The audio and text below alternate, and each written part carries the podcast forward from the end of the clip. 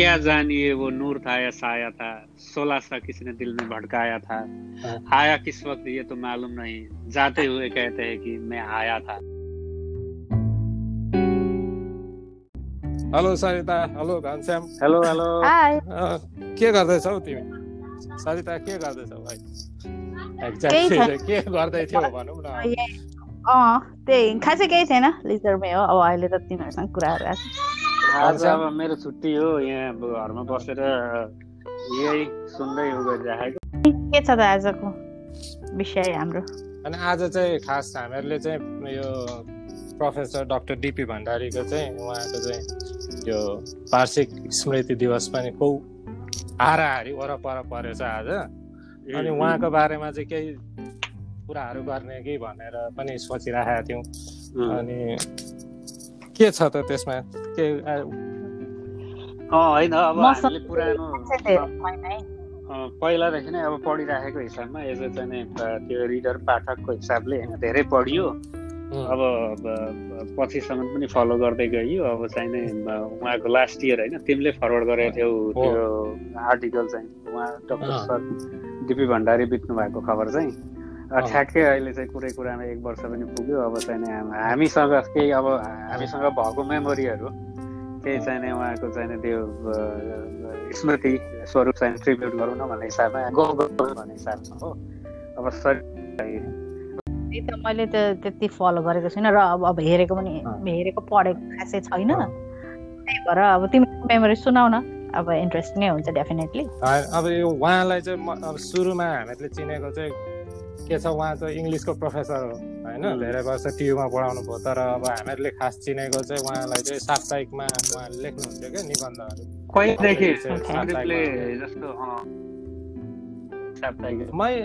मैले एक्ज्याक्टली चाहिँ त्यो मलाई एक्ज्याक्टली अब यो म स्कुल पढ्दा हो कि प्लस टू एसएलसी अगाडि हो कि एसएलसी पछाडि हो भनेर चाहिँ अहिले म कन्फ्युज छु। तर जस्तो म हामी स्कुल हुँदै चाहिँ देखेँ जस्तो लाग्छ क्या मलाई उहाँले लेखेको चाहिँ। किन साप्ताहिक किन्नु चाहिँ मलाई कहिले काहीँ स्कुल म होस्टल बस्ने हुँदाखेरि मलाई त्यहाँबाट कोसा सरले पठाउनु हुन्थ्यो अनि त्यो साप्ताहिक किनेर लिएर आउँदाखेरि चाहिँ त्यो अरू कुराहरू लगायत त्यो सुरुमा चाहिँ उहाँको त्यो अन्तिम पन्नामा छापिएको हुन्थ्यो क्या त्यो नेपालीमा साप्ताहिक कान्तिपुर साप्ताहिकमा डाक्टर डिपी भण्डारीसँग अन्तरङ्ग भनेर चाहिँ त्यो छापिया हुन्थ्यो। अनि अब जस्तो अब त्यो त्यति बेला त अब स्कुल पढ्दा त उहाँले के लेख्नुहुन्छ भनेर त्यो बुझ्ने त्यो पनि छैन। अलिक उहाँको चाहिँ एउटा उहाँ इनफेमस चाहिँ कसरी पनि हुनुहुन्छ भने एकदमै अप्ठ्यारो लेख्नुहुन्छ क्लिष्ट लेख्नुहुन्छ भन्ने पनि थियो क्या उहाँको चाहिँ। तर कस्तो मलाई चाहिँ कसरी त्यो इन्ट्रेस्ट चाहिँ जागो भन्दाखेरि उहाँको चाहिँ कहिले काहीँ त्यो शीर्षकहरू अनि त्यो सर हेर्नु त हेर्छ नि त अब त्यो किन अब त्यो अनि त्यो मलाई चाहिँ केले चाहिँ त्यहाँ तान्यो भन्दाखेरि चाहिँ एउटा चाहिँ कतिपय चाहिँ अब जस्तै हामीहरू स्कुल पढ्दाखेरि चाहिँ त्यो गुलमर गाइडेड इङ्ग्लिसहरूमा चाहिँ त्यो रोमन पात्रहरूको कथा पढाए हुन्थ्यौ नि त। त्यो उहाँले चाहिँ त्यो ती कुराहरू पनि लेख्ने त्यो रोमन पात्रहरूको बारेमा पनि। अनि प्लस त्यो मलाई अलि अहिले अलिक भिभिडली चाहिँ मलाई याद भएको चाहिँ त्यो रणबहादुर शाहको साँडे र अकबरको हात्ती यस्तो के शीर्षक? अथवा चाहिँ अर्को एउटा मलाई उहाँ त्यो प्रश्न याद भएको चाहिँ बामियानमा चाहिँ यो तालेबानहरूले बुद्ध मूर्ति फुटाए क्या तिनीहरूले। अनि त्यसको बारेमा पनि बामियानका बुद्ध मूर्तिहरू भनेर चाहिँ उहाँले चाहिँ यो चाहिँ अब शताब्दीौँदेखि त्यहाँ बसेको कहिले पनि त्यो त्यसले चाहिँ त्यस्तो खालको चाहिँ भन्नाले त्यो त्यसरी हिंस्रक तरिकाले त्यसलाई फुटाउनु नपर्ने बुद्ध मूर्तिहरू चाहिँ यो तालिबानहरूले चाहिँ यिनीहरूको आफ्नो मूढतामा आएर चाहिँ उहाँको त्यस्तै छ शब्दहरू होइन? त्यसरी चाहिँ फुटाए भन्ने हिसाबको चाहिँ उहाँको लेखहरू थियो क्या? अनि त्यस्तोहरू पढ्न थाले पछाडि चाहिँ बिस्तारो बिस्तारो अब नबुझे पनि त्यो रस चाहिँ भिज्दै गयो क्या? बिस्तारो। लेख्न चाहिँ अब अप्ठ्यारो त्यो एक यसै पनि नेपाली कमजोर मेरो त्यो एकदम अप्ठ्यारो नेपालीमा लेख्ने। तर कि मलाई चाहिँ त्यो हो त्यस्तो क्या? त्यो कथाहरू आफूले पढेको कथाहरूको टुक्रा टुक्री अब त्यो सबै त्यत्रो उहाँको जस्तो चाहिँ एकदम वृहत रूपमा त्यसरी चाहिँ पढाया होइन हामीहरूले त सानो सानो टुक्रा टुक्री कथाहरू पढाया हुन्थ्यो।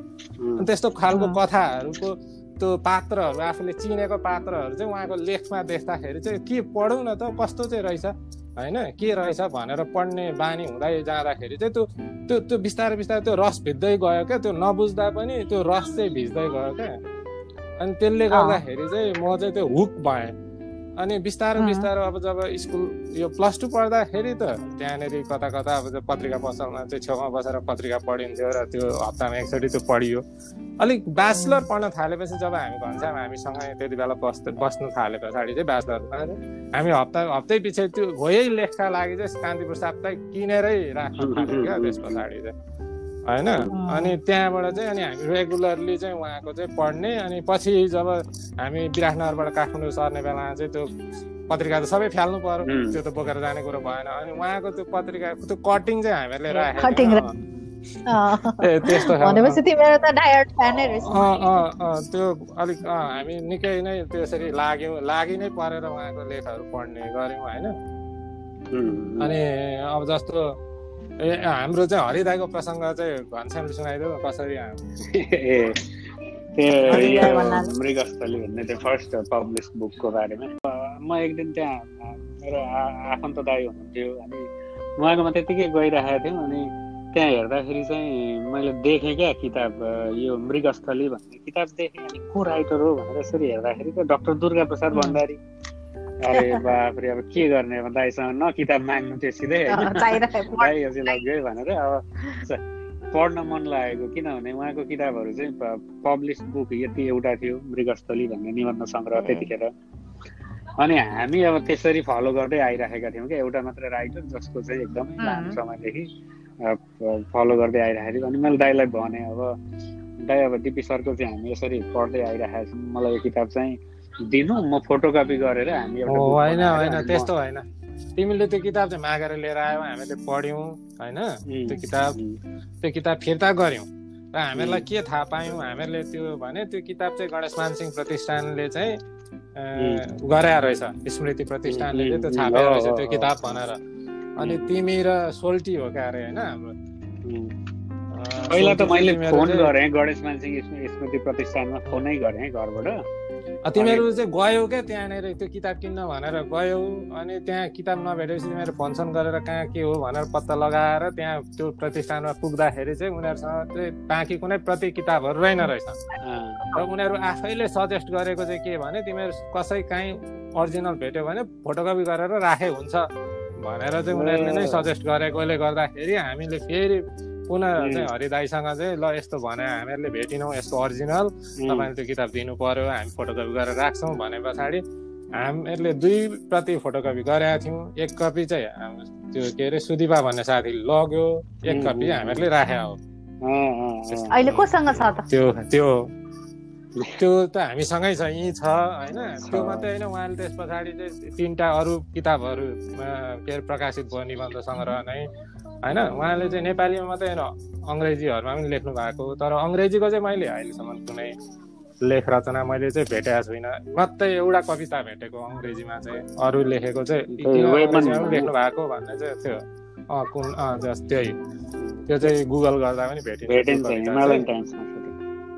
अनि उहाँले चाहिँ पछि एउटा निरो बाँसुरी बजाइरहेछ रोटी र फुल अनि त्यो धरती त्यो आकाश भन्ने तिनवटा अरू किताबहरू छापियो उहाँको त्यो सबै किताबहरू थिए हामीसँग तर अनफर्चुनेटली त्यो मात्रै दुईवटा किताब चाहिँ मिसिङ छ। अब यो हामीहरूले धेरै ठाउँ हामी सरिरहँदाखेरि गुड के हो बिरालोले गुड सारेर जस्तो सार्दाखेरि कता कता सर्यो कि कसैले लगेर दिएन कि? अब अर्को एउटा थियो क्या त्यो निरो बाँसुरी बजाइरहेछ भन्ने नै किताब होला। त्यो फेरि गणेश प्रतिष्ठानले नै छापेको थियो। अब त्यो किताब छापियो छापिएपछि पुस्तक पसलमा आउँदैन किताब फेरि होइन अब हामी जान्छौँ सोध्छौँ किताब छापियो भने समाचार पढियो समाचार पढियो। पुस्तक पसलमा गएर हामी राखी पार्छौँ सोधेर दाई आएन भन्छौँ। दाईले आएकै छैन भन्नुहुन्छ होइन। अनि फेरि अब फोन लगाइहाल्यो त्यतिखेर। मोबाइल आएको थियो कि थिएन कि। फेरि गणेश मानसिंह फोन लगाइयो अनि यो किताब चाहिँ गणेश मानसिंह स्मृति प्रतिष्ठानले छापेको रहेछ। अनि पुस्तक पसलमा पाइएन भनेर भनेको। अनि ए भाइ त्यो पुस्तक पसलमा हामीले पठाएको छैनौँ। यहीँ आएर किन्न चाहिँ मिल्छ भने त्यहाँ काम गर्नेहरूले होइन। अनि त्यहाँबाट कहाँ छ त यो स्मृति प्रतिष्ठान भन्दाखेरि चाहिँ त्यसको मुख्य कार्यालय चाहिँ उता सुन्दरीजल कहाँ थियो अरे तर सहायक कार्यालय चाहिँ भ्रिकुटी मण्डपमा रहेछ। त्यहाँ साइडमा होइन। अनि अब त्यतिकै म चाहिँ एक दिन अब ल जाने किन्न भनियो तर त्यतिखेर यो फागुन चैत त्यस्तै केही महिना थियो होली आउँदै थियो क्या। अनि होलीको आइरहेको थियो अब त्यतिखेर हामी मास्टर्स फर्स्ट इयर पढ्थ्यौँ क्यारे फर्स्ट इयरको थियो या सेकेन्डमा अनि साथीहरू रङ लगाउन भनेर आए कोठामा रङका पोका पोका बोकेर अब अब कता रङ लगाएर अब काठमाडौँमा जाडो गइसकेको हुँदैन फागुनमा है फेरि त्यो नुहाउनुपर्छ भन्ने डरले नलाइदिए हुन्थ्यो भन्ने थियो क्या मन मनै चाहिँ तैपनि अब साथीहरूले चाहिँ पुरै होइन अब मजाले लाउने तरिकाले आएका रहेछन् र यसो भाग्न खोजेको त्यो घाम फाल्दाखेरि तल कुर्कुचो ठोकिएर भित्र अलिकति त्यो अब सुन्यो त्यो केही ठोकिएर होइन। मेरो अब घाइते नै भयो हो घाइते नै अनि अब त्यहाँबाट के गर्ने अब खुट्टो मर्क्यो यस एक्सरे गर्नुपर्छ होला बाटो फुट्यो कि भनेर म एक्सरे गर्न वीर हस्पिटल गएको थिएँ। अनि एक्सरे गरेँ ओरेँ अनि त्यहाँबाट एउटा क्राप ब्यान्डेज किनेर उ गरेँ। अनि आज यहीँ आएको बेला चाहिँ म लिन्छु यो किताब भनेर बाँकी रहेको सबै पैसाले ल गएर त्यो एक्सरे गरेर उब्रेको पैसाले चाहिँ हो त्यो निरो बाँसुरी बजाइरहेछ भन्ने किताब किनेर बेलुका फर्केको थिएँ त्यो किताब चाहिँ। अरू बाँकी रहेका दुईवटा चाहिँ हामीले सजिलै किन्यौँ तर तिनीहरू चाहिँ गणेशमा चाहिँ इफेक्टिभ प्रतिष्ठानको होइन जस्तो लाग्छ मलाई। एउटा चाहिँ अक्सफोर्ड इन्टरनेसनल पब्लिकेसनको रहेछ अनि अर्को त्यो आकाश त्यो धरती चाहिँ कुनको हो? त्यो पनि अक्सफोर्डकै हो? अर्कै होइन अर्कै दोटेली समाज यिनीहरू कसैले प्रकाशित गरेको छ क्या किताब चाहिँ। अनि तर अब चाहिँ हामीले अब भण्डारी सरको चाहिँ कलेक्सनहरू चाहिँ यसरी गरेको हुन्थ्यो अब यो निबन्धहरूको होइन। अनि अब इन्ट्रेस्टिङ पनि अब इन्ट्रेस्टिङ त अब पछि चाहिँ धेरै इन्ट्रेस्टिङ हुँदै गयो पढ्नलाई सुरुवातमा त त्यसरी नै पढ्दै पढ्दै गइयो। अब अहिले अहिले पढ्दा त झनै इन्ट्रेस्टिङ हुन्छ। अब लेखेको त्यो कुराको चाहिँ के भन्न खोजेको रहेछ भन्ने कुरा चाहिँ अहिले अलिक बढी बढी बुझे जस्तो। बुझ्ने त कुरा भएन होइन। Uh, Wala Okay. Ang analysis point of view, Uh. त्यो चाहिँ कस्तो एउटा चाहिँ कस्तो पनि हामीहरूलाई चाहिँ सजिलो चाहिँ के पनि भयो भने अब हुन त अब त्यो चल अब कस्तो के हो होइन। अब किन त्यहाँनिर चाहिँ अब जस्तो सरले चाहिँ धेरै अब कसको चाहिँ त्यो लेखहरू यस्तो अब जस्तो भनाइहरू उद्धित गर्ने। अब मूलत फेरि उहाँको चाहिँ सबभन्दा चाहिँ के छ भन्दाखेरि अब ने अरू नेपाली लेखकहरूलाई चिड्याउने गरिकन अङ्ग्रेजी साहित्य अनि उर्दू। उर्दू र हिन्दी साहित्यको चाहिँ धेरै चाहिँ त्यहाँनिर चाहिँ त्यसलाई चाहिँ कोट गर्ने होइन? अनि त्यसपछि संस्कृत कोट गर्ने तर नेपाली चाहिँ त्यति धेरै कोट उहाँले गर्नु हुँदैन थियो होइन? अनि त्यो त्यो गर्दाखेरि चाहिँ अब हामीहरूलाई चाहिँ के हो त गफ गर्न सजिलो भयो नि त। अब हामीहरूले त त्यहाँनिर त एउटा लेखमा पाँचजना लेखकको नाम त्यहाँनिर चाहिँ कोट गरे हुन्छ। अब त्यो त्यो अब भनौँ न अब जस्तो हामीहरूलाई चाहिँ त्यो त्यो रमाइलो पनि जस्तो अब अनेक शेर सायरी होइन कविताहरू होइन अब अङ्ग्रेजीदेखि उर्दू उर्दू त अब बुझिँदैन एक त। तर कस्तो भने उहाँले उर्दूमा लेखे पनि त्यसलाई नेपालीमा पनि ट्रान्सलेट गरेर राखिदिने क्या त्यो त्यो। अनि त्यसले गर्दा चाहिँ त्यो त्यो एउटा रमाइलो होइन। तर उहाँको चाहिँ त्यो पढाइ चाहिँ मलाई चाहिँ त्यो लेखे निबन्ध लेखे पनि मेरो व्यक्तिगत मेरो अनुभवमा चाहिँ उहाँ चाहिँ त्यो प्रोजलाई चाहिँ पोएट्री हिसाबले लेख्ने क्या। त्यो एकदम त्यो त्यो रसिक हुने क्या त्यो भाषा चाहिँ। बुझेनौ तिमीले त्यो त्यो नबुझे पनि त्यो त्यसमा चाहिँ तिमी चाहिँ त्यो त्यो शैलीमा त्यो भाषामा त्यो त्यो लिप्त तिमीलाई चाहिँ त्यसले चाहिँ त्यो के भन्छ एक खालको त्यो त्यो अर्कै त्यो अनुभूति गराउने क्या त्यो त्यसले चाहिँ। बुझ्यौ जेनरली चाहिँ निबन्धको भाषा चाहिँ अलिक शुष्क हुन्छ नि त अलिक ड्राई खालको होइन? अब अथवा त्यसरी लेखेको पनि हामीहरूले भेटेका छौँ होइन? अरू अरू लेखकहरूको चाहिँ अलिक त्यो ड्राई भएकोले अलिक बढी सैद्धान्तिक लेख्ने हुँदाखेरि चाहिँ अलिक त्यति मिठो आउँदैन क्या त्यो पढ्दाखेरि। तर यो चाहिँ एकदम त्यो सरस एकदम मिठासपूर्ण क्या लेखन चाहिँ। त्यो नबुझे पनि मजा आउने क्या त्यो पढ्दाखेरि चाहिँ त्यो त्यो अनेक अब उर्दू र हिन्दीदेखि लिएर अङ्ग्रेजी साहित्यको चाहिँ कोट गरे हुन्छ। अब हाम्रो हामी त त्यो सबै त नबुझ्ने भयौँ होइन? बुझ्न त। तर एक खालको चाहिँ उहाँको चाहिँ जहिले पनि त्यो लेखाइको चाहिँ त्यो केन्द्रीय विषयवस्तु चाहिँ जहिले पनि त्यो एक खालको चाहिँ त्यो प्रोभोकेटिभ पनि हुने क्या उहाँ किन कतिले चाहिँ उहाँलाई चाहिँ अश्लील अलिक अश्लील पनि लेख्छ यो भण्डारी भनेर पनि लेखेका छन्। इभन त्यहाँनिर चाहिँ त्यो उहाँ के अरे भूमिका लेखनमा पनि त्यो कुनै किताबहरूमा मैले त्यस्तो भेटेको छु कि अलिक यति यति धेरै नलेखेको भए पनि हुन्थ्यो भन्ने हिसाबले। तर अब म मलाई चाहिँ कस्तो लाग्यो भन्दाखेरि जहिले पनि उहाँले चाहिँ त्यो नेपाली यो समाजको चाहिँ अलिक त्यो रुग्ण खालको छ नि त्यो जुन चेतनाको स्तर र मानसिकता पनि त्यसलाई चाहिँ प्रहार गरिरहने होइन? अनि त्यो हाम्रो चाहिँ अत्याधिक अतीत मोह क्या त्यो बढी नेपाली। त्यो त्यसलाई पनि प्रहार गर्ने। अनि प्लस त्यो हाम्रो चाहिँ त्यो कल्पनाशीलताको अभाव। होइन त्यो नेपाली समाजको चाहिँ त्यो अलिकति अलिक कल्पनाशील हुनु पऱ्यो अलिकति अलिकति इमेजिनेटिभ त्यो सोसाइटी तपाईँ त अगाडि जाँदैन नि त त्यो इमेजिन गर्न सकेन भने त। अगाडि त्यो फड्को मार्न त गाह्रो हुन्छ नि त त्यो। त्यो त्यो त्यो ल्याक अफ त्यो इमेजिनेसनलाई चाहिँ यी कुराहरूलाई चाहिँ जहिले पनि त्यो प्रोभोक गर्ने क्या त्यो कुनै अब जस्तो त्यो सेक्सुअल कन्टेक्सहरूले लाइक यो चाहिँ फरेन राइटरहरूको चाहिँ त्यो कोटहरू कोटेसन गरेर त्यो कस्तो भने त्यो प्रोभोक गर्ने क्या जहिले पनि त्यो त्यो एक खालको त्यो उहाँले त्यो लेख्नु पनि भएको छ। त्यो यो मैले जान गरेको यस्तो अँ अँ अँ। र कहीँ कहीँ एक ठाउँ लेख्नु पनि भएको छ कि मलाई चाहिँ मिल्ने भए यिनीहरू एक्लै या समूह बनाएर आएर चाहिँ मेरो चाहिँ यो खलवाट टाल टाउकोमा चाहिँ लठी बजार्थे होला भनेर। होइन जस्तो त्यो प्रदीपको उसमा मैले मैले जोड जोड मतलब मैले भन्दाखेरि मलाई कस्तो लाग्छ उहाँको लेखहरू हेर्दाखेरि भने नि जस्तो त्यो खास लेखेको चाहिँ त्यो अलिकति त्यो होइन त्यो लेख्नको बेसिस चाहिँ त्यो जे छ सोसाइटीमा होइन त्यही कुरालाई अभिव्यक्त गरेको देख्छु म चाहिँ। तर अब कति मान्छेले त्यसलाई कसरी पर्सिभ गर्छन् लिन्छन् भन्ने कुरा जस्तो कुनै एउटा आर्टिकलमा मैले भर्खरै फेरि हेरेँ होइन। त्यो मृगस्थलीमाथि बाँदर क्रीडाबारे चिन्तन भन्ने छ एउटा निबन्ध शीर्षक होइन। मलाई त्यहाँ बाँदर दुईवटा बाँदर र एउटा बाँदर र बाँदरनीले चाहिँ त्यो एउटा सेक्सुअल इन्टरकोर्स गरेका गर्छन् भनेर उहाँले देखे पछाडि उहाँको मनस्थितिमा अनुभूत मतलब उहाँले चाहिँ त्यो फिल गर्ने अरू कुराहरू उहाँको दिमागमा आउँछ होइन। अब जस्तो कि एक्जाम्पलमा चाहिँ अहिले हाम्रो समाजमा चाहिँ अगुवा भनिनेहरू नेता भनिनेहरू या चाहिँ अरू जे जे नाम राखेका छन् आफ्नो ती सबैले पनि यही यही क्रीडाका लागि यही भ्रष्टाचारका लागि यही पैसाका लागि सारा जिन्दगी चाहिँ बिता बिताउँदैछन् होइन। तर त्यो पाएर पनि तिनीहरूमा आनन्द छैन त्यो पाएर पनि तिनीहरूमा सन्तोष छैन। तर हेर त यी बानरहरू। अहिले चाहिँ यो बानर क्रीडाका लागि एकछिन चाहिँ ओरा दोहोरा गरे लापा खेले त्यो उनीहरूको आफ्नो कर्म सकेपछि शान्त भएर जङ्गलतिर गए। मान्छेमा यो शान्ति छैन भनेर चाहिँ त्यो अलिकति चाहिँ नै होइन त्यो त्यो त्यो दृष्टिकोण चाहिँ अलिकति राखेको हो। तर त्यो त्यही कुरा चाहिँ अब त्यो अरू मान्छेहरूले कसरी लिन्छन् इन्टरप्रेट गर्छन् भन्ने कुरा हो। तर अब सोसाइटीमा अहिले हेर्ने हो भने मान्छे पैसा पद होइन अन्य कुराहरूको लालसामा त दौडेको दौडै छ नि त। हेर्दाखेरि होइन अहिले पनि मान्छेको ध्यान त्यसैमा छ र त्यो कुरा पाएर पनि उसमा सन्तोष छैन क्या। होइन त्यो आफूमा सन्तोष ल्याउन सकेको छैन भन्ने दृष्टिकोण राखे जस्तो लाग्छ। तर अब त्यही हो अब कतिपय कुराहरू चाहिँ होइन अब त्यो पचाउँदैन नि मान्छेहरूले त्यही कुरा जस्तो डिरेक्ट अब त्यसरी लेख्दाखेरि अरू भन्दाखेरि चाहिँ अब मान्छेलाई अड हुन्छ नि त अब त्यति फ्यामिलियर भइरहेको हुँदैन त्यसो सुन्ने भन्ने।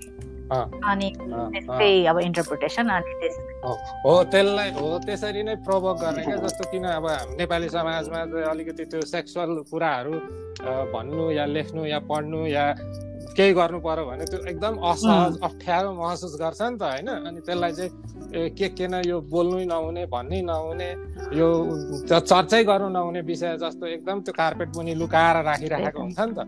होइन? अनि तर अब यो फेरि यो स्वाभाविक यो कुरा पनि हो नि त फेरि अब यो यो यो कुरा त सेक्सुअल यो कुराहरू त सेक्सको कुराहरू त स्वाभाविक पनि हो फेरि। होइन? त्यो मान्छे चाहिँ बन्द कोठाभित्र त्यो गर्ने तर बन्द त्यो कोठा बाहिर चाहिँ त्यो थाहै नपाए जस्तो गरेर त्यो सुइसुला बधाएर हिँडे जस्तो गरिदिँदाखेरि त। जस्तो त्यसले चाहिँ एक खालको त्यो विरोधाभास त्यो पनि जेनेरेट गर्छ नि त। अनि त्यस्तो कुरामा चाहिँ उहाँले चाहिँ अब त्यो के अरे अब एकदम प्रष्ट मुखर भएर लेखिदिँदाखेरि त मान्छेलाई अप्ठ्यारो हुन्छ नि त। त्यो प्रोभोक हुन्छ नि त मान्छे त होइन के गर्दैछ यो भनेर। अनि फेरि उहाँको चाहिँ कस्तो अलिकति अब रजनीशहरूबाट पनि अलिक प्रभावित एकदम त्यो मोक्षको आकाङ्क्षी होइन? उहाँको चाहिँ अब जस्तो अनेक यो सबै यो बुद्ध दर्शनदेखि लिएर रजनी अनेक अनेका अनेक यिनीहरू पढ्दा उनीहरू त्यो गर्दाखेरि चाहिँ त्यो मोक्षको चाहिँ आकाङ्क्षी तर फेरि सांसारिकतामै जेल लिएर बसेको एउटा मान्छे। त्यो त्यो आकाङ्क्षा चाहिँ त्यसको गरेको छ तर यिनीहरू जन्जालमै फेरि घेरिएर बसेको छ त्यो त्यो त्यो जन्जाल पार गर्ने साहस पनि नभएको स्वीकारोक्ति होइन? अनि त्यो के भन्छ त्यसलाई चाहिँ अब जस्तो त्यो त्यो साहस चाहियो नि त यो यो सांसारिक जन्जालबाट मुक्त भएर त्यो मोक्षको बाटोमा लाग्न त त्यो साहस चाहियो। अनि त्यो आफ्नो अल्छीपनाको चाहिँ त्यो स्वीकार गर्ने। अब एकदम म चाहिँ पाटै अल्छी छु भनेर। किन? त्यो अर्को चाहिँ के छ? अर्को प्रसङ्ग चाहिँ भने उहाँको चाहिँ यही मृगस्थलीको फर्स्ट निबन्ध उहाँको सङ्ग्रह हो। त्यसको पहिलो पाठ चाहिँ उहाँको चाहिँ हिटलर र पुतली एक गोठालोको आत्मकथा भन्ने छ। त्यो चाहिँ उहाँको चाहिँ आफ्नो आत्मकथाको चाहिँ त्यो टाइटल। हिटलर र पुतली एक आत् गोठालोको आत्मकथा भन्ने। त्यो त्यति बेलैदेखि उहाँले चाहिँ आफ्नो आत्मकथा लेख्छु भनेर जमर्को गरेको तर उहाँले चाहिँ अन्तिमचोटि कान्तिपुर साप्ताहिकमा लेखुन्जेलसम्म पनि म आत्मकथा लेख्दैछु भनेर चाहिँ भनिरहनु भयो तर कहिले लेखेर लेखेर सक्नु भएन। अथवा के गर्नुभयो त्यो मलाई थाहा पनि भएन। जहिले पनि म चाहिँ यो बिचमा चाहिँ जब त्यो अब कान्तिपुर साप्ताहिकमा उहाँको लेखहरू आउन छोडिसके पछाडि चाहिँ त्यो कहिले यो आत्मकथा चाहिँ आउँछ होला भन्ने एउटा आश चाहिँ थियो क्या मलाई। अनि त्यो त्यो सोचि कहिले काहीँ सोचिरहन्थेँ म कि कहिले निक्लिने रहेछ कहिले निक्लिने रहेछ बुढाको आत्मकथा भनेर चाहिँ। होइन? अनि तर अब थाहा पनि थिएन कि उहाँलाई चाहिँ यो के अरे अल्जाइमर लागेको रहेछ भनेर होइन? अनि अचानक पोर यही यो ट्वेन्टी ट्वेन्टी या ट्वेन्टी नाइन्टिनतिर कहिले हो होइन? मलाई ठ्याक्कै याद भएन तर कुमार नगरकोठीले चाहिँ उहाँको आफ्नै शैलीमा चाहिँ एउटा लेख लेखे बुढाको अर्कै शैली छ नि त फेरि कुमार नगरकोठीको। अनि त्यो त्यहाँ चाहिँ उनले चाहिँ त्यो त्यो सिग्नल दिएको छ कि त्यो उहाँले चाहिँ बिर्सिने रोग लाग्यो भन्ने। त्यहाँनिर त्यो आफ्नै के के शैलीमा के के अनि त्यस पछाडि चाहिँ अनि खगेन्द्र सङ्ग्रौलाले चाहिँ अर्को एउटा लेख लेखेको चाहिँ कि ऊ भेट्नु जानुभएको रहेछ खगेन्द्र सङ्ग्रौला अनि त्यहाँबाट त्यो भेट्दा भेटे पछाडि चाहिँ नचिन्ने अब त्यो हुन्छ नि अब बिर्सिसकेको हो यस्तो खालको भएकोले एकदमै खगेन्द्र सङ्ग्रौलालाई चाहिँ एकदम नराम्रो लाग्यो अरे। कि अब जस्तो अब चिन्दै चिन्दैन भने त अब त्यो मान्छे भेट्नु गएको पनि के अर्थै रह्यो नि त। केही मेमोरी नै अब जस्तो छैन बाँकी छैन भने जस्तो के को बारेमा गफ गर्ने के गर्ने होइन? अनि त्यो हुँदाखेरि चाहिँ त्यो खालको अनि खङ्ग्रेस सङ्ग्रौलाले चाहिँ लेखेको थियो क्या जस्तो यसरी बिर्सिने रोग लागेको रहेछ यस्तो यस्तो भयो भने अनि चाहिँ अनि म मलाई पनि अब मैले पनि थाहा पाएँ अब म जस्तो अब को कोले भयो त्यस्तो चासो राखिरहेको थियो उनीहरूले पनि थाहा पायो कि यस्तो भएको रहेछ भनेर। होइन अब त्यस पछाडि चाहिँ त्यसको केही समय पछाडि त लगभग बितिहाल्नु भयो। होइन अनि त्यो त्यो भयो। अब त्यस त्यस्तो त्यो अब त्यो आत्मकथा चाहिँ अब पुरा भयो कि भएन। होइन? त्यो पहिल्यै किताबमा चाहिँ उहाँ त्यो आत्मकथाको शीर्षक मात्रै छापिदिने हो कि भनेर पनि लेखेका छन् होइन? कुन चाहिँ एउटा सुफीहरूको चाहिँ एउटा पवित्र धार्मिक ग्रन्थ छ अरे क्या। जसको चाहिँ पन्नाहरूमा चाहिँ केही लेखेको छैन अरे। शुद्ध सफा पन्नाहरू मात्रै छ तर उनीहरूको चाहिँ त्यो चाहिँ सबैभन्दा महत्त्वपूर्ण धार्मिक ग्रन्थ हो पेन्टिङहरूमा पनि त्यस्तै भन्छ नि। एकदम मिराकल हुन्छ अनि हो अनि त्यस्तै गरिदिन् दिनु पो पर्छ कि क्या म भनेर पनि लेखाएको छन् होइन अब त त्यसरी खालि पन् पन्नाहरू पनि छापेको थाहा भएन होइन उसले पन्ना भरेर पनि छापेको थाहा भएन अब अहिलेसम्म चाहिँ थाहा छैन अब सायद कसैले चाहिँ त्यो अब त्यसरी लेखेको छ आदि उदि अधुरै छ भने पनि त्यो अब छाप छाप्ने त्यस्तो प्रयत्न गर्छन् कि भनेर आश गर्नुहुन्थ्यो तर म चाहिँ खासै यो आशावादी पनि भइनँ मैले चाहिँ उहाँको अब यो कार्यक्रम आज यो पोडकास्टमा चाहिँ उहाँलाई चाहिँ आज श्रद्धाञ्जली यसमा चाहिँ बोल्ने भने पछाडि केही गुगलहरूमा पनि भेटिन्छ कि उहाँको बारेमा। अरू कुराहरू हामीलाई थाहा नभएको। हामीहरूले त बस उहाँलाई चिनेको भनेको उहाँको लेख र रचनाहरूबाट मात्रै हो। हामी व्यक्तिगत रूपमा हामीले कहिले पनि उहाँसँग चिनजान भएन होइन? एकचोटि घनश्यामको फोन कल मैले चाहिँ छेउमा बसेर सुनेको मात्रै। म त बोल्दा पनि बोलेँ घनश्यामको डिरेक्ट कन्ट्याक्टै भएको? घनश्यामले चाहिँ फोनमा बोलेको होइन? तर म चाहिँ छेउमा बसेर त्यो बोल्ने आँट आउँदैन नि मान्छे लागि गरेको थियो हामी यत्तिकै भनेर भन्नको लागि फोन गरेको त्यत्रो लामो समयसम्म पढ्यौँ अब पछि चाहिँ लेखहरू पनि आउन छोड्यो होइन? हो त्यो अब त्यो सन्दर्भमा चाहिँ अनि किन सरले लेख्न सरको आर्टिकलहरू आएन भनेर फोन गरेको थिएँ। उहाँसँग अब दुई चार बातहरू भयो त्यतिखेर एउटा अब त्यो हुन्छ नि एउटा फ्यानको एउटा ऊ हुन्छ नि। ठुलै ठुलै फ्यान टाइपको हुन्छ नि एउटा अब होइन। त्यसरी गरेको भएर फोन गरेर बोले। उहाँको आवाज चाहिँ सुनेको थियौँ हामीले जे फोनमा। दुवैजनाले सुनेको थियौँ। मुख चलाउने चाहिँ म सुन्ने चाहिँ दुईजना प्रदीप पनि छेउमा बसेर सुनिरहेको थियो।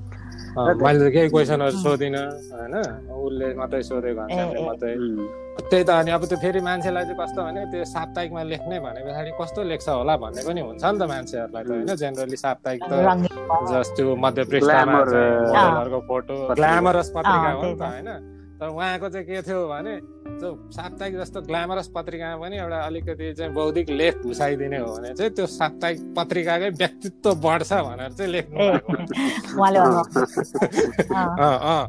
अनि त्यो कहिले काहीँ झुक्क्याउँछ भने क्या मान्छेलाई। जस्तो अब एउटा रमाइलो प्रसङ्ग चाहिँ के छ भने तिमीलाई अस्ति सुनाएको पनि थियौँ। जस्तो त्यो हाम्रो चिरञ्जीवी होइन ऊ त यो पढ्न मन नगर्ने हो नि त होइन अब अनि एक दिन हो यस्तै यही उसमा त्यो निरो बाँसुरी बजाइरहेछ मा छ त्यसले होइन? संसारकै सर्वाधिक सेक्सी सुन्दरी जेनिफर लोपेज भनेर। अनि चिरञ्जीवीलाई त्यो सेक्सी देख्ने बित्तिकै सेक्सी र जेनिफर लोपेजले घर र तानेर लगेको त्यहाँ। ढ्याप्प ढ्याप्प पलेटी कसेर बसिगयो पढ्न भनेर अब के चाहिँ रहेछ? जेनिफर लोपेजको त्यो सेक्सीनेसको चाहिँ एक दुई लाइन छ त्यहाँनिर वर्णन होइन? बाँकी अरू सबै अरू के के कुरा गरेर त्यो त्यहाँनिर पुगेको छ होइन? अनि चिरञ्जीवी निराश भएर चाहिँ त्यो किताब राखेको। मलाई साह्रै त्यो रमाइलो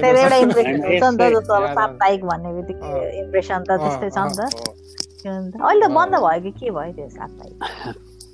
अहिले बन्द भएको छैन। तिम्रो पत्रिका पनि त्यो देखिन्छ अब अहिले पत्रिका त गर्ने कुरा भएन। अनलाइन भर्जन चाहिँ इ पेपर थाहा भएन। देखिरहेको हुन्छु तर यस भने कति जस्तो अब हामी त्यतिखेर साप्ताहिक किनेर पढ्दाखेरि मानिसहरूलाई चाहिँ के मतलब अब कन्फ्युजन हुन्थ्यो भने के साप्ताहिक किनेहरू दिपी भण्डारीको लेख छ भन्ने कुरा त अब त्यो कतिलाई थाहा हुन्थ्यो हुनुहुन्थ्यो थाहा भएन तर यिनीहरू साप्ताहिक चाहिँ किन किनेको होला यसरी हप्तै पछि? तुरन्त साप्ताहिक आउन पाएको हुँदैन तुरन्तै केटाहरू आइपुगिहाल्छन् जस्तो पनि ठान्थे मान्छेहरूले। तर अब त्यसको त्यसको चाहिँ अब सहायक अरू का अब जस्तो चाहिँ त्यो मोडलहरूको चित्र देखिने अरू अरू कुरा त छँदैछ कि तर मुख्य त हामीहरूले चाहिँ त्यही डिपी भण्डारीको लेखको लागि होइन त्यो किनेपछि अब बाँकी त्यहाँ भएको आर्टिकलहरू पनि नपढ्ने त्यहाँ राशि। फल यौन जिज्ञासा। फिल्मी चर्चा कान्तिपुर गाथा पनि आउँथ्यो क्या त्यसमा बुझ्यौ क्या? भन्नाले केमा साप्ताहिकमा?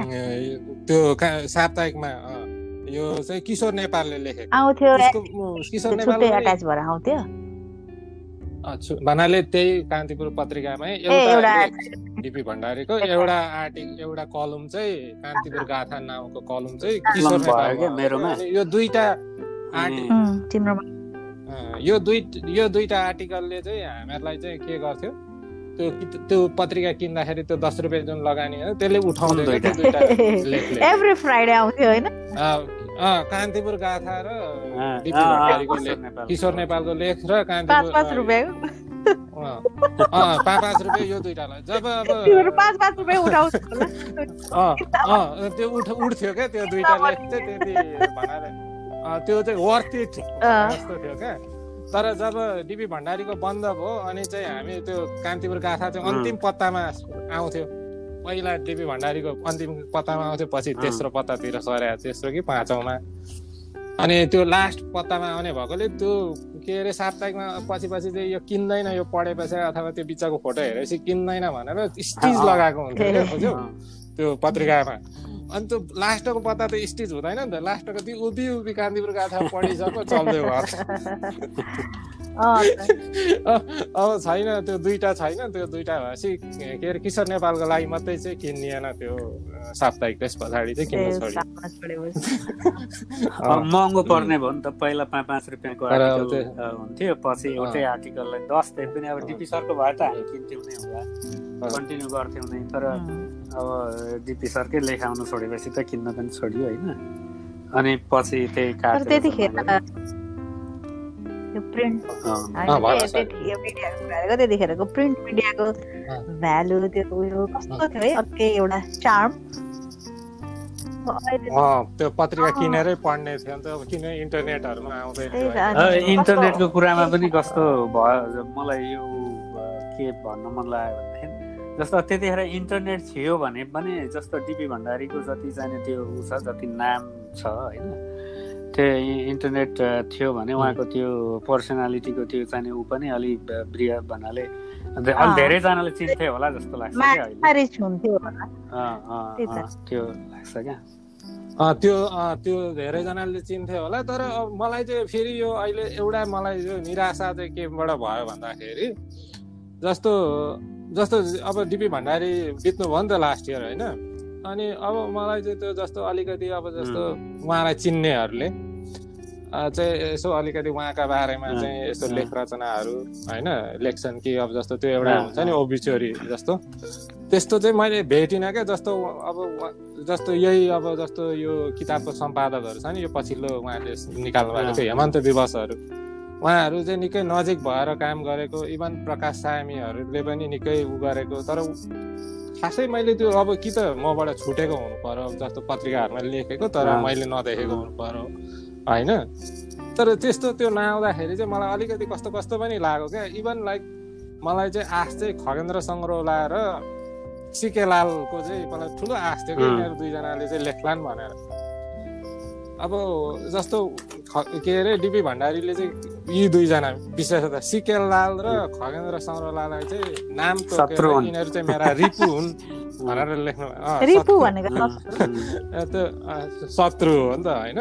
अनि तर उनीहरू एकदम नजिकको एकदमै आत्मीय भएकोले चाहिँ उनीहरू दुईजनालाई चाहिँ उयो चाहिँ शत्रु भन्न सक्ने त्यो मैले आँट गरेँ भनेर धेरै ठाउँमा चाहिँ दुईजना सिकेलालाई त धेरै ठाउँमा कोट गरेको छैन तर खगेन्द्र सङ्ग्रहलाई चाहिँ उहाँको कतिपय चार पाँचवटा लेखहरूमा चाहिँ उहाँहरूले कोट गर्नुभएको छ क्या?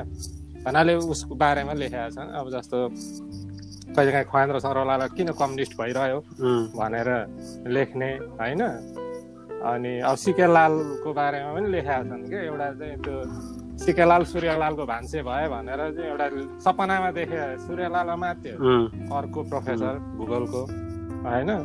अनि त्यो सपनामा चाहिँ सिकेलाल चाहिँ सूर्यलालको भान्से भएको सपना देख्नु भनेर चाहिँ त्यहाँ त्यो जस्ट एउटा मिठो राम्रो प्रसङ्ग राम्रो लेख छ क्या त्यहाँ। अनि त्यो हुँदा चाहिँ सिकेलाल चाहिँ लेखि पनि रहन्छन् नि त। दुवैजना सिकेलाल पनि खगेन्द्र सङ्ग्रौला पनि लेखिरहन्छन् त पत्रिकाहरूमा।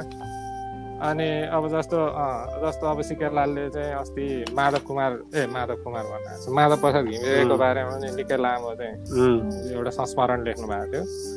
प्लस यो इभन सूर्य उसको पनि एउटा सानो चाहिँ उसको अबिचोरी जस्तो चाहिँ सिकालाले लेखाएको अङ्ग त्यो चाहिँ इङ्ग्लिसमा लेखाएको थियो काठमाडौँ पोस्टमा। होइन? अनि त्यो चाहिँ आउँछ कि भन्ने मैले आश चाहिँ गरेको थिएँ। इभन यो अहिले यो चाहिँ यो वार्षिकीको छेउछाउ वरपर पनि आउँछ कि भनेको थिएँ। हिजो कि अस्तिको दिन एउटा नयाँ लेख आयो।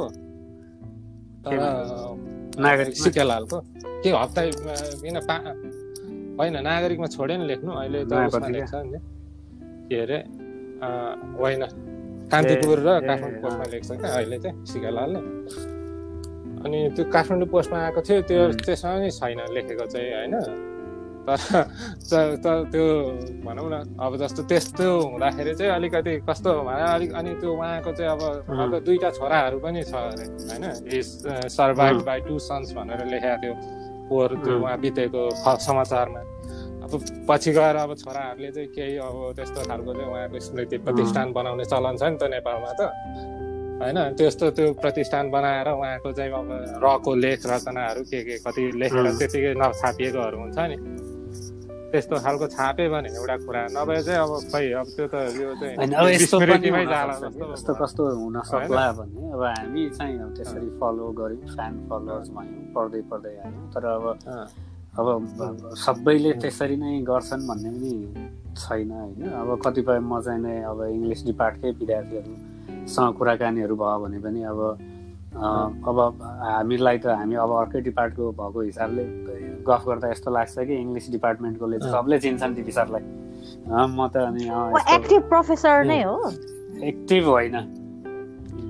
होइन त्यति हामी कतिले चाहिँ अब हामीलाई पढाउनु भएन अब त्यति धेरै चिनाजानी छैन भने जस्तो भन्छन्। अब अनि अब चिनाजानी छैन नपढाएपछि भएन अब आर्टिकल्सहरू पढेको छैन भने चाहिँ त्यो त विस्मृत नै हुने भयो नि। ठुलै कसैको हो हो एक्ज्याक्टली अनि अर्को कुरा चाहिँ अब कस्तो भनेदेखि अब मान्छे चाहिँ नि सर्भाइभ हुँदा र ऊ एक्टिभ हुँदा मात्रै उसको फेम चाहिँ अलिकति हुन्छ होइन। अब तिम्रो अलिकति असक्त भएपछि अलिकति अब नसक्ने भएपछि त्यो हुन्छ नि त्यो रिङभन्दा बाहिर गइसकेपछि त होइन अब त्यो फरक पर्दो रहेछ म यस्तो अरू केसहरूमा पनि विचार गर्छु। उदाहरणको लागि चाहिने नरहरि आचार्य होस् कि चाहिने चक्रप्रसाद बाँसतोला होस् कि होइन। अब चाहिँ यी त लिडर्सहरू भयो नि त होइन। अब जब यिनीहरू चाहिँ नसक्ने भए त्यस पछाडि यिनीहरूको चर्चा परिचर्चा शून्य नै भयो क्या। यति मात्रै कि काहीँ अस्पताल भर्ना भयो भने त्यो समाचार आउँछ तुरुन्तै फलानु नेता अस्पताल भर्ना भएका छन्। उनलाई आइसियु सदन कक्षमा राखेर उपचार गरिँदैछ। भनेर यसरी आउँछ अलिकति। त्यो हुँदाखेरि चाहिँ अब त्यो डिपी सरको पनि अब हामीलाई चाहिँ अब हामीले अब त्यस्तै लाग्छ नि त आफूलाई लागेपछि। होइन अब जस्तो फेरि कस्तो हुँदो रहेछ भने अब जस्तो अब अब म घनश्यामले कसरी त्यो उ गर्छ? त म मलाई चाहिँ कहिले काहीँ चाहिँ कस्तो त्यो प्रसङ्गहरू हुन्छ नि त्यो एउटा लेखमा चाहिँ के लेखेका छन् भने त्यहाँनिर चाहिँ त्यो कसैलाई ऋण दिएको होइन डिपी भण्डारीले तर ऋण चाहिँ फिर्ता नभयो कसैले एक महिनाको भाका राखेर एकजना चाहिँ प्रजातान्त्रिक काङ्ग्रेस तत्कालीन प्रजातान्त्रिक काङ्ग्रेसको नेताले अर्को चाहिँ खोइ कसले हो? होइन? नाम चाहिँ उल्लेख गरेका छैन होइन? अर्कोले चाहिँ एक वर्षको भाका राखेर राम्रै रकम लगेको। ऋणमा लगेको। अनि त्यो भाका नागिसक्दा पनि नदिए पछाडि अब कति मागे नदिए पछाडि चाहिँ वाक्क भएर चाहिँ अब यो एक हप्ताभित्रमा दिएन भने अर्को हप्ताको लेखमा चाहिँ म यो तिमीहरूको नाम सार्वजनिक गरिदिन्छु अनि मलाई त्यो पैसा पैसा फिर्ता दियो कि दिएन होला भने जस्तो पनि त्यो त्यो मलाई चाहिँ क्या त्यो एउटा अति निजी चासो भयो चासो त होइन। तर त्यो लेखेकोले सार्वजनिक रूपमा लेखेकोले गर्दाखेरि चाहिँ मलाई चाहिँ हो त्यस्तो खालको होइन। त्यो हो त्यस्तो पनि त्यो आउँछ क्या त्यो मलाई याद चाहिँ होइन।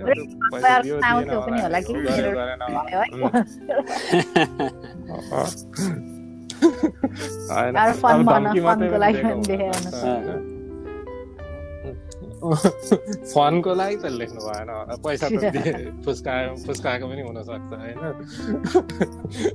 अब यत्तिकै फनको लागि पैसा लगेको छ फल्ला फल्लाले काङ्ग्रेसको शीर्ष प्रजातान्त्रिक काङ्ग्रेस शीर्ष त्यो त अब मान्छेको तिर्ने लगेर तिर्ने प्रवृत्ति मान्छे चाहिँ गरेको पनि हो एक तरिकाले। अब उनको अरू म रमाइलो लाग्छ अब पढ्दाखेरि त्यो एउटा त्यो ऊ त डोटीतिर होइन डोटीतिर जन्मेको हो त्यहाँ चाहिँ राणा थारूहरूको अब उनीहरू भयो नि त त्यहाँको बासिन्दाहरू पुराना होइन। डोटी चाहिँ माथि भयो बसै सरेर आएपछि नेपालगञ्जतिर। नेपालगञ्जतिर चाहिँ उनीहरूको त्यहाँ चाहिँ अब त्यो हो। त्यो मौजा त्यहाँ झर्दाखेरिका उनका साथीहरू होइन। त्यहाँ एउटा आर्टिकल मैले हिजो अस्ति यो भर्खर फेरि पढेँ थियो। तिमीसँग किताब ल्याएर होइन? म तोरेसँग चिलगाडीमा नाइ जाम रे भन्ने होइन? त्यसमा चाहिँ त्यो ऊ चाहिँ अब यो थारू भाषा हो। अब यो थारू भाषा तोरेसँग चिलगाडीमा नाहि जाम रे। चिलगाडी भनेको प्लेन मलाई एक लाइन थारू भाषा मेरो मेरो सक्नु थियो मेरो सक्नु होइन।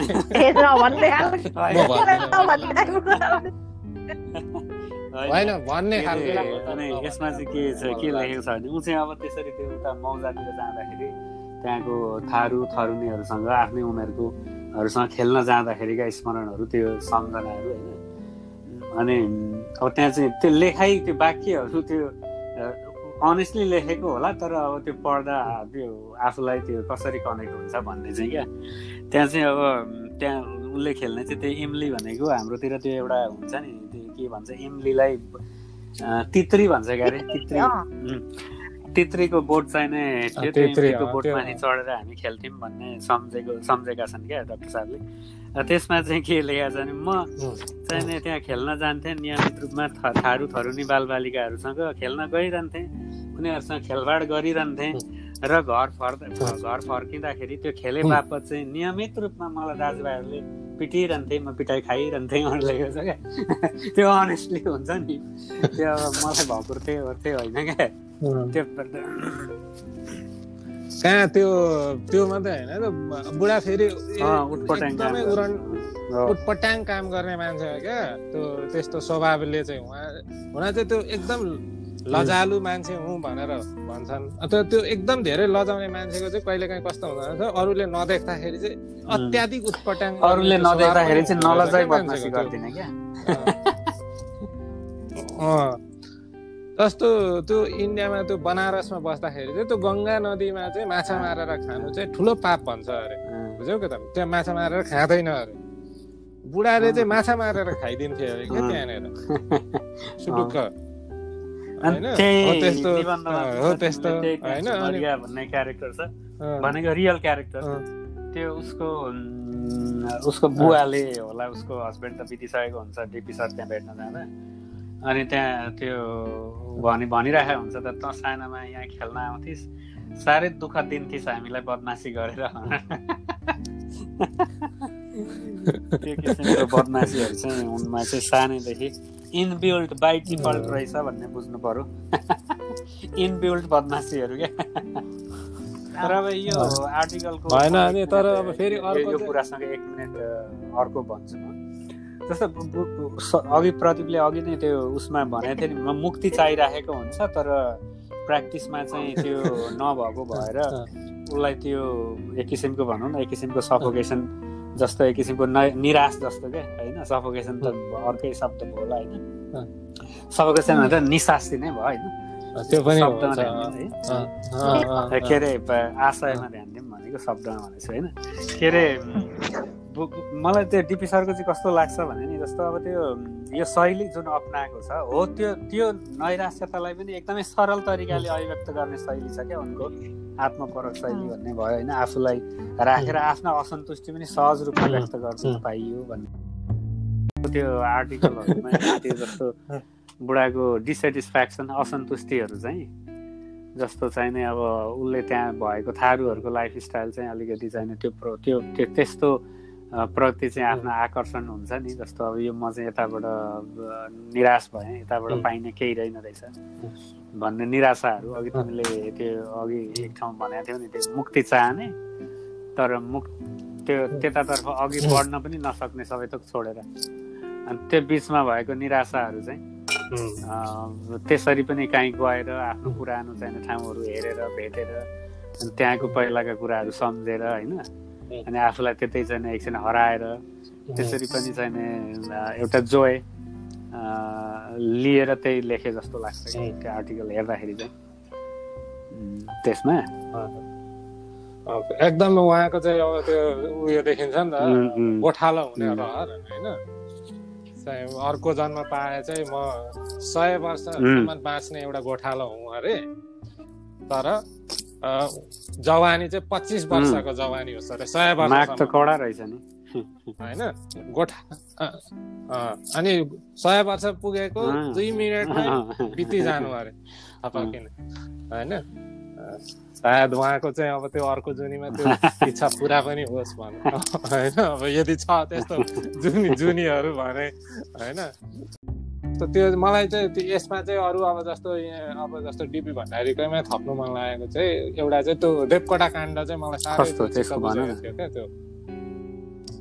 त्यो नेपाली जस्तो जहिले पनि हामी चाहिँ नेपालीमा चाहिँ पढ्दाखेरि सा केटाकेटीमा अब जस्तो केटाकेटी त होइन नौ दसमा पढ्दाखेरि चाहिँ जहिले अथवा पहिल्यैदेखि जति बेलादेखि हामी देवकोटाको बारेमा पढ्यौँ जहिले देवकोटालाई चाहिँ कसरी हाम्रो नेसनल नेरेटिभमा चाहिँ कस्तो छ भन्दाखेरि देवकोटा चाहिँ नाम ए के अरे जन्मिए लक्ष्मी पूजाका दिन।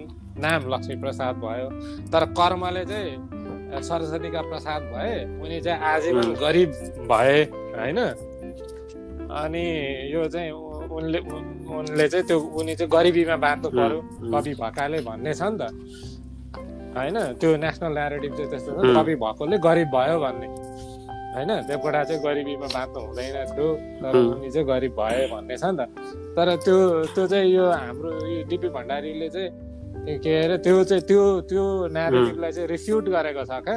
उनले चाहिँ के भन्छन् भन्दाखेरि अब जस्तो होइन लक्ष्मीप्रसाद देवकोटा चाहिँ को चाहिँ गरिब हुनु चाहिँ उसको चुनाव थियो त्यो होइन। त्यो उसको रोजाइ थियो। जो उनी चाहिँ चाहेको भए उनी जति पनि धनी हुन सक्थे होइन। तर उनले चाहिँ त्यो आफ्नो गरिबी चाहिँ उनले जाना जानु रोजेको हो भन्ने छ नि त। होइन? अनि त्यो एक किसिमले हेर्दाखेरि अस्ति म त्यो उपेन्द्र सुब्बाको पनि एउटा के भिडियो हेर्दै थिएँ क्या? उपेन्द्र सुब्बाले पनि हो है दिइराखेको छ। अब उनले कतै पढ्यो कि? अब आफ्नै इन्ट्युसनले भने हो होइन? कि अब जस्तो लक्ष्मीप्रसाद देवकोटाको घर छ दिल्ली बजार काठमाडौँमा होइन? दिल्ली बजार भने चाहिँ काठमाडौँको मुटु हो नि त होइन? त्यो घर राम्रै छ मैले त देखिनँ। त्यो दिल्ली बजारको के अरे त्यो दिल्ली बजार हिँड्दाखेरि कहिले काहीँ यतै हो देवकोटा जन्मेको भन्ने चाहिँ लाग्थ्यो देवकोटा घर यतै हो भन्ने दिल्ली बजार भनेको हिँडेन। होइन? Okay okay okay Maiti Devi Dilli Bazar त्यो पुतली सडक छेउ त्यहाँ। अनि त्यहाँबाट त्यहाँ राम्रै छ अरे क्या उसको घर। अनि त्यो टाइममा चाहिँ उनी ट्युसन स्युसन पढाएर महिनामा चार पाँच सय कमाउँथे पनि अरे। होइन? इभन त्रिचन्द्रमा पढाउन पनि गएको। होइन? देवकोटा भनेपछि उनी अनि उपेन्द्र सुब्बाको तर्क अनुसार चाहिँ त्यो समयमा दुई हजार सोह्रमा त देवकोटा मरेका नै हुन् होइन? त त्योभन्दा अगाडिको टाइममा महिनामा चार पाँच सय कमाउनु भनेको त्यो गरिब मान्छे होइन। होइन? भन्ने चाहिँ उसको थियो क्या। जस्तो जसरी हामी चाहिँ उसलाई चाहिँ जस्तो हामी चिनाउन खोज्छौँ नि जहिले पनि होइन? त्यो हामी सप्रसँग व्याख्या गर्दा लेख्दा गर्दा हामीलाई सरहरूले लेखाउँदा पनि देवकोटा चाहिँ लक्ष्मी पूजाका दिन जन्मेर पनि यस्तो गरिबमै बिते यस्तो उस्तो सरस्वतीका प्रसाद भयो यस्तो। त्यो चाहिँ साँचो कुरा होइन। उनी यदि उनी गरिब थिए भने पनि त्यो उनको चुनाव थियो होइन? त्यो उनको रोजाइ थियो त्यो उनको बाध्यता थिएन होइन? त अर्को कुरा उनी गरिब पनि होइनन् भन्ने छ नि त होइन। अनि त्यो कुरालाई चाहिँ त्यो बजाएको त्यो एउटा चाहिँ त्यहाँ एउटा लक्ष्मी प्रसाद देवकोटा यो यो नेपाली समाजको एक ज्वलन्त यो विसङ्गति टपिक बिर्सेँ त्यहाँ मृगस्थलीमा छ क्या त्यो। हो त्यो त्यो त्यो चाहिँ मलाई त्यो एकदम राम्रो लागेको थियो क्या। अनि त्यस त्यसमा चाहिँ उनले त्यो पागल कविताको पनि अब जस्तो हाम्रो यो टिभी भण्डारी फेभरेट कविता मध्ये एउटा कविता हो क्या। पागल अनि त्यो पागल कविता कसरी उसले लेख्यो कसरी त्यहाँनिर चाहिँ त्यो गणितहरूको कुरा पनि गराएको छ नि त तिम्रो गणितमा एकमा एक जोडे दुई हुन्छ मेरोमा चाहिँ एकमा एक एकबाट एक झिके एकै रहन्छ। तिमीहरू हो त्यस्तो खालको छ नि त होइन? त्यो हो त्यो हो त्यो कुरा पनि मलाई त्यो त्यो फरक दृष्टिकोण जुन छ नि हो त्यो पनि मलाई एकदम राम्रो लाग्ने क्या। अब जस्तो त्यो त्यो चलन चल्तीको बाटो या त्यो पछ्याएन नि त उनले त्यो पनि भन्छन् नि त जहिले पनि कि जहिले ढिलो लेख्न सुरु गरेँ भन्ने छ नि त जहिले पनि त्यो पहिला पहिला उसले सुरुमा सत्र अठा अठार उन्नाइस वर्षको हुँदा पनि लेखेँ अरे एकचोटि। तर त्यो आफूले लेखेको कुरा चाहिँ च्यातेर फ्यालिदिए भनेर कतै लेखेको मैले देखेको छु क्या। अनि उनी चाहिँ जहिले पनि यति जहिले पनि त्यो अब अङ्ग्रेजी या उर्दू या संस्कृत साहित्य पढ्दाखेरि चाहिँ यति त्यो अब भनौँ खतरा खतरा पढे उनले खतरा खतरा लेखकको कि आफूले लेखेको चाहिँ जहिले पनि उनलाई चाहिँ त्यो नराम्रै लागिरह्यो अरे क्या। त्यो हिन्ता बोधले सताइरह्यो अरे। त्यसले गर्दाखेरि चाहिँ उनले चाहिँ त्यो राम्रो भन्नाले म लेख्न सक्छु भन्ने कहिले लागेन। होइन? अनि त्यही भएर उनले चाहिँ लेख्न एकदम ढिलो गरे अरे। अनि उनको कहिलेकाहीँ चाहिँ उनको कतिपय नयाँ लेखकहरूलाई चाहिँ के सुझाव थियो भन्दाखेरि लेख्न चाहिँ लेख्दै गर्नु राम्रो नराम्रो त्यस्तै हो तर प्र्याक्टिसले चाहिँ राम्रो हुन्छ। त्यो एउटा संवेदना चाहिँ तिमीले जोगाएर राख्नुपर्छ। त्यो हुन्छ नि त्यो क्रि जस्तो त्यो क्रिटिकल हुने अथवा चाहिँ त्यो अब लेखक कविहरूमा त त्यो एउटा संवेदना त चाहिन्छ नि त त्यो त्यो भावलाई चाहिँ जो भावनालाई चाहिँ जोगाएर राख्नु पर्यो। त्यो पुरस्कार पद प्रतिष्ठाका पछि कुद्यो भने चाहिँ तिमीहरू संवेदना शून्य हुन्छौ। तिमीहरूले लेखेको चाहिँ कुरा कर्कट हुन्छ होइन? तर त्यो आफ्नो एउटा त्यो संवेदना त्यो एउटा भावनालाई चाहिँ जोगाइरह्यो भने त्यो पद प्रतिष्ठा पैसाका पछि कुदैनौ। र चाहिँ राम्रो लेख्ने अभ्यास गरिरह्यो भने भन्ने चाहिँ त्यो उनको चाहिँ जहिले त्यो एउटा उयो त्यो रिग्रेट जस्तो पनि किसिमले देखिन्छ क्या त्यो त्यहाँ उनले लेखेका पनि छन् म बेलैमा लेखेको भए अलि अगाडि कि भनेर वार्षिकीको कुरा गरिरहेको छौँ मृत्यु भएको एक वर्षको सेरोफेरोमा। होइन श्रद्धाञ्जली स्वरूप अब जस्तो उहाँले चाहिँ भन्नाले के अरे भन्नाले त्यो धेरै लेखहरू चाहिँ मृत्यु बारेमा पनि चिन्तन गरेर लेखेका छन्। लेखेको शिव अधिकारी मर्दाखेरि चाहिँ डिपी भण्डारीले चाहिँ उसको ऊ चाहिँ अब नजिकको भएकोले गर्दाखेरि चाहिँ उहाँ उसको मृत्युमा चाहिँ एउटा ऊ लेखेको थियो क्या अर्ब्युचेरी भन्छ होइन त्यस्तोलाई। त्यो लेखेको थियो अनि त्यहाँबाट त्यहाँ चाहिँ अब जस्तो के लेखाएको थियो भन्दा उसको शीर्षकै के के थियो भन्दाखेरि त्यो एउटा कुनै हिन्दी या उर्दू गीतको त्यो चल के अरे खेल्थे खेल्थे पहाडोमे जिन्दगी गीत सायद अब जस्तो हामीहरूले चाहिँ उहाँलाई अब यसरी हो यसरी नै सम्झिनु होला नि त होइन? अब जस्तो के अब उहाँको पनि अब अलमोस्ट यो चाहिँ लास्टको यो केही अब जस्तो यो के भन्छ अल्जाइमरले जुन अब अन्तिममा चाहिँ अलिकति त्यो पीडादायी जस्तो भयो तर त्यो बाहेक चाहिँ उहाँ उहाँले एक खालको चाहिँ होइन। अब जस्तो त्यो के अरे अब खेल खेल्दा खेल्दै गाउँदा गाउँदै होइन त्यो रमाइलो गर्दा गर्दै एउटा ठट्टामै होइन त्यो गयो होला एउटा होइन भनेर सम्झ्यौँ होइन अब त्यो राम्रै एउटा चाहिँ फुलफिलिङ लाइफ। अब बाहिरबाट एटलिस्ट हामीहरूले हेर्दाखेरि चाहिँ त्यस्तै देखिन्छ होइन। उहाँको व्यक्तिगत कस्तो थियो त्यो त अब सायद त्यो अब त्यो उहाँको आत्मकथा कुनै दिन प्रकाशित भयो भने थाहा होला होइन। त्यो अलिक बढी चाहिँ भनौँ डिटेलमा। तर अब जस्तो उहाँको त्यो लेखहरू उहाँको अब जस्तो निबन्धहरू पढ्दाखेरि चाहिँ मूलत अब जस्तो एक खालको होइन? जस्तो त्यो मान्छेको जस जस्तो हुन्छ नि जीवनहरू आशा निराशा यसैमा चाहिँ यही यस यो के अरे उत्साह उसमा ठट्टा यो पीडा यी सबै कुराहरूबाटै चाहिँ गुज्रिँदै गुज्रिँदै एक खालको यो एउटा चाहिँ फुलफिलिङ लाइफ थियो होला होइन? यसैमा एउटा लेखमा डिबी सरकै लेखमा लेखेको छ होइन। उहाँले चाहिँ त्यो टेगोरको चाहिँ एउटा सन्दर्भ गरेर लेखेको छ क्या जसको चाहिँ यही टिमले भनेकै जस्तो छ। यो खेल्ती खेल्ती बाह्र सय जिन्दगी गीत गाएको लौट गई भने यो टेगोरले चाहिँ भनेको कुरा चाहिँ के थियो अरे भनेदेखि अब जस्तो चाहिँ अनि म जन्मेको थिएँ होइन अब जिन्दगीभरि लगाएर चाहिँ एउटा गिटारमा यसो तार मिलाएर अब चाहिँ गीत गाउनु पर्ला भन्ने लागेको थियो। मेरो त जाने बेला हो त्यो झन्कार फुर्नै आँटेको थियो होइन त्यो सङ्गीत प्रस्फुटित हुन आँटेको थियो तर मेरो प्रस्थान गर्ने बेला भएछ। मैले त्यो गीत गाउनै सकिनँ भन्ने त्यो त्यो मोक्षको आकाङ्क्षा यो हो त्यो त्यो हो त्यो चाहिँ यो कस्तो भनेदेखि त्यो यो चाहिँ यो मान्छेभित्रको एउटा अन्तर्द्वन्द चाहिँ यो द्वन्द जिउँदो हुँदै मान्छे चाहिँ मर्नुपर्ने हुन्छ कि जस्तो पनि दिन्छ क्या त्यहाँ त्यो त्यो टेगोरको सन्दर्भबाट चाहिँ र डिपी सरको चिन्तनबाट चाहिँ। यो मोक्षप्रतिको मोह तीव्र भइराखेकै हुन्छ आफू त्यतातर्फ जान सकिराखेको हुँदैन अर्कोतर्फ आफ्नो पाइला गइराखेको हुन्छ। यो द्वन्द्वले आफूलाई पिरोलिराखेको छ अब यसरी लेखेरै अभिव्यक्त गर्ने आफ्ना कुराहरू होइन। तर अब त्यो आफूले चाहेको उन्मुक्त हुने कुरा चाहिँ प्राप्त नगरी ल म त हिँड्नुपर्ने भए साथी टाइपको हुन्छ नि। अब त्यस्तो त्यो पनि बडा चाहिँ राम्रो लागेको थियो पढ्दाखेरि टाइगरको सन्दर्भको सायद त्यस्तै सायद अब सायद अब डिपी सरको त्यस्तै भयो होला। अब उहाँलाई अब अहिले मिल्यो मिलेन मोक्ष त्यो थाहा भएन तर उहाँको आकाङ्क्षा चाहिँ थियो। त्यही भनौँ न। यति भनेर नै अझ अब आजको के हाम्रो कुरा चाहिँ यहीँ टुङ्ग्यौँ होला होइन त। हाम्रो कुरा समाप्त गरौँ। अब सबैले सुन्नु होला यसो सुनेर के कस्तो लाग्छ। भनिदिनु होला हामीलाई। र अब थप घट नयाँ विषयवस्तु लिएर हामी आइहाल्छौँ। ल बाई बाई। ल बाई साथी